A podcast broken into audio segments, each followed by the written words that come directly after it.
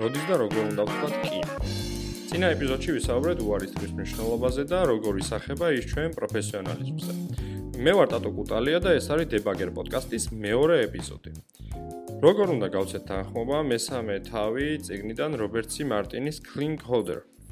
მოდი ცოტა შორიდან მოუვაროთ ამ თემას და დავარქვათ ვალდებულების ენა პირველ ნაწილს. თქვი გაისიგრძეგანე ასე დავარქვათ და შეასრულე. ბოლომდე როგორ უნდა ჩაერთო და ვალდებულება აიღო რამეზე? ამისთვის გჭირდება სამი კომპონენტი. გასავლელია ეს სამი გზა. თქვი რომ გააკეთებ პირველი, იგულისხმო და გაიაზრო ეს ყველაფერი რა თქვი და მესამე ნამდვილად გააკეთო. რამდენად ხშირად აღმოგვიჩენია ასეთი ხალხი, ვინც ამ ეტაპებს არ გადის? მაგალითად, IT ასისტენტს რომ უთხრა რომ რაღაც ინტერნეტი მუშაობს შეფერხებითო, გიპასუხებს რომ რაუტერები არ ვარგა და გამოსაცვლელია. მორჩა, აქ უკვე იცი რომ არაფერი არ მოხდება და არაფერი არ შეიცვლება. ეს ეხება არა მარტო სხვებს, არამედ ჩვენს უბრალოდ ჩვენს თავზე დანახვა რთულია რომ მაგალითად გამოვიყენოთ.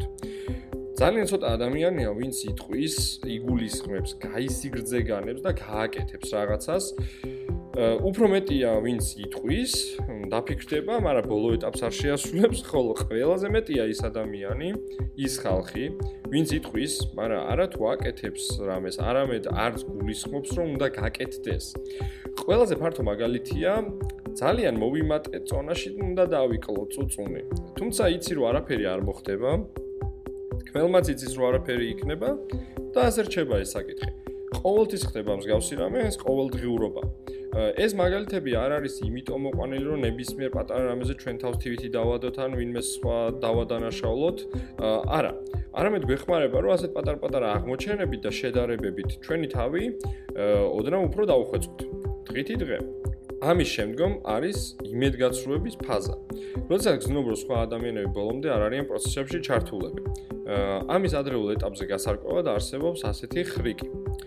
ოდნავ შეიცვალოს კომუნიკაციის ენა, რაც საშუალებას მოგცემს ზემოთხსენებული პირველი და მეორე ნაბიჯების გამოაშკარავების. თქვი რომ გააკეთებ და ეს ყველაფერი იგულისხმო რომ ნამდვილად გააკეთებ. აა პირველი მაგალითი. ჩვენ უნდა გავაკეთოთ ეს რაღაც. ვიღაცამ უნდა გააკეთოს ასეთი ფრაზები. ну, აქ უკვე ხვდები რომ ვინც ამას ამბობს, გამკეთებელი არ არის მარტო. მეორე ვარიანტი. იმედი მაქვს ხალისთვის მზად იქნება. ეს და ეს არის ახლა კრისტალი ფრაზა, სადმე გადავიკვეთოთ.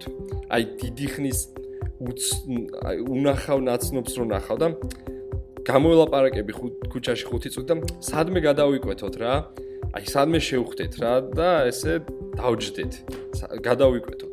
ამ შემთხვევაში ხო იცი რომ სერიოზული არ გიგულისხმია და არ არ ჩართულ ხარ ამ საკითხში, ეს ყოველთვის ასე ხდება, რჩება სამწუხაროა, მაგრამ ფაქტია. მაგალითისთვის კიდე მოდი დავამთავროთ რა ეს და მოვიშოროთ რა, მაგალითად ფინალურ გამოცემამდე შენ და შენი ჯგუფელი ზიხართ საკითხზე მუშაობთ და ორივეს გასარებად მუშაობა და მოდი დავამთავროთ რა ეს, მაგრამ არც ერთი არ ხართ გამკეთებელი. მაგრამ მაინც ხდება ეგეთი რაღაცა. როგორც კი ამას დააკვირდები, მიხვდები რომ მსგავსი რამე ყველგან გესმის შენს იგლივ და თავარი მოქმედი პირიც შენ ხარ ხშირად, ანუ გაგვიკეთები ასეთი რამე ყველა ადამიანს. აღმოაჩენ რომ უცებ ძალიან დაკავებულები ვხდებით ხოლმე როცა საქმე რაღაც ვალდებულების აღებას ეხება. აუ არა არა, არ ძალიან რაღაც ისეთი საქმიანი ხარ რომ არა რა. და ამაზე არავინ არ ვამბობთ რომ ეს კარგია, ანუ ეს ცუდია. როდესაც რაღაცა უნდა გაკეთდეს და შენ რაღაც არაკეთებ სხვას თუ შენ თავზე დამოკიდებულს ხდი განსაკუთრებით მაშინ ძალიან ცუდია როდესაც ვიღაც რაღაც ელოდება შენგან რომ გაკეთდეს და ამ დროს არ კეთდება ეს არის ძალიან ცუდი მოდი ახლა ცოტა პოზიტიური მხრიდან განვიხილოთ ეს ყველაფერი ისეთ სამყაროში სადაც ყველა პასუხისგებლობას იღებს და თავადვე აკეთებს ამ საქმეს. აქამდე რაც ვისაუბრეთ, ყველა სიტუაციის კონტექსტი იყო შემდეგნაირი. სიტუაცია ჩემ ხელთ არაა და მე არ ავიღებ პასუხისგებლობას. ან ყველა თავის თავს ისე წარმოაჩენდა თითქოს და სიტუაციის მსხვერპლი იყოს, აი, თავად იყოს სიტუაციის თავარი მსხვერპლი და თავს ზემოთ ძალა არა ეს როგორ გაკეთდეს. სინამდვილეში კი რეალობა საერთოდ სხვანაირია, შენ შიგნით ყოველთვის ყოველთვის არის რაღაცა, რის გამოც 100% დაიხარჯები და შენს კონტროლ ქვეშ იქნება სიტუაცია. ვალდებულების აღების ამოსაცნობა ამ შემთხვევაში კარგი ვარიანტია დაუკვირდეთ ამ წინადადებას. ამას გავაკეთებ ხუთშაბათისთვის. აი ესეთი მაგალითი. აქ იგრძნობა რომ შენ თქვი რაღაცა. დაფიქრდი ეს რა არის გასაკეთებელი როგორ და მე დათქვი ზუსტი დრო. ტექნიკურად ამ სიტუაციიდან ანუ უკან დასახევი გზა არ გაქვს. არიტოვებ სპეციალურად არიტოვებ ამისთვის უკან დასახევ გზას. და აქედან შედეგს ველოდები მხოლოდ ორობითი სისტემით. ან გაკეთდება ან არ გაკეთდება. ნუ რო არ გაკეთდეს თავს ძალიან ცუდად იგზნო იმიტომ რომ შენ ხალხს გაპირდი რომ ეს ხუჩაბადისთვის გექნებოდა და არ გვეპირობას. შენზე დამოკიდებულ ხალხს უფუჭებს საქმეს. შენს ზემოთ ვინც არიან ან ქვემოთ ნიშნულობა არა აქვს ან უფუჭებ ამითი საქმეს და ძალიან ცუდ სიტუაციაში აგდებ თუ ნელ-ნელა ეს ყველაფერი შეცვალე შენ თავში, ანუ შენ თავს თუ ჩაუკეტე უკან დასახევი გზა და ერთადერთი გზა გაქვს რომ ამაზე დაждდე და აკეთო, საბოლოო წინ მიდიხარ და რეალურად სამუშაოსაც დაასრულებ, ანუ მესამე ფაზამდე მიხვალ, სადაც ნამდვილად გააკეთებ ან რაღაცას. ეს ყველაფერი მოქსლია, შეიძლება გაცნობიერებად, შეიძლება გაუცნობიერებლად ცხოვრებაში, მაგრამ ეს სისტემა საბოლოო ჯამში მუშაობს. ავიღოთ ასეთი მაგალითი კიდე. ეს არ გამოვა იმაზე ვარ დამოკიდებული. რაღაც ასეთი. არ გამოვა, იმიტომ რომ X რაღაცაზე ხარ დამოკიდებული. მიუხედავად იმისა, რომ ამ სიტუაციაში შენ თლიანი საქმეს 100%-ით ვერ დაასრულებ, შეგიძლია შენი მხარე ამოწურო ბოლომდე. მაგალითისთვის თუ მუშაობ გუნდში, შეგიძლია დაждდე მეორე გუნდის წევრთან, განიხილო რა არის გასაკეთებელი, თუ აბსტრაქცია, მოქები, რაღაც მოდულების ნაცვლად შეიძლება ბოლომდე შენ დაწერო შენი მხარეს, შენ ამ შენ ამით შენ საქმის 100% წურავ და გეცოდინება რა ხდება ამ პროექტში და შენ იცი რომ შენი გასაკეთებელი გააკეთე. და კიდე ერთი პატარა ვარიანტი. მაგალითი, ეგ არ გამოვა, არ ვიცი როგორ გავაკეთო. ანუ ყველაზე ხშირად გაჟღერებადი ფრაზაა და ალბათ ეხაც გაიფიქრე. კი, არ იცი როგორ გააკეთო? ამ ქვეყანაზე არავინ არ იცის რა როგორ გავაკეთოთ ბოლომდე და ჩემი აზრით ასეც უნდა იყოს რომ ჩვენ არ უნდა ვიცოდეთ ყველაფერი როგორ კეთდება. აუცილებლად ამისთვის გჭირდება კვლევა რისერჩი და დედლაინის ისე დადგენა ა ყველაზე კარგია ამისთვის რომ დრო აიღო მოსაკვლევა თქვა რაღაც დავალება და შემდეგ თქვა ზუსტი პასუხი ამაზე არავინ არ მოკლავს პირიქით არ დანით გამოგეკიდებიან პირიქით უფრო ღირებული იქნები, როდესაც შეგილია სიტუაციის პროზუსტად შეფასება, ვიდრე ზედაპირული და სტრაფი პასუხები. და მაინც ცხოვრება შეიძლება ყველაფერი მოხდეს, რადგან ცხოვრება და მოულოდნელი რაღაცები ხდება რა.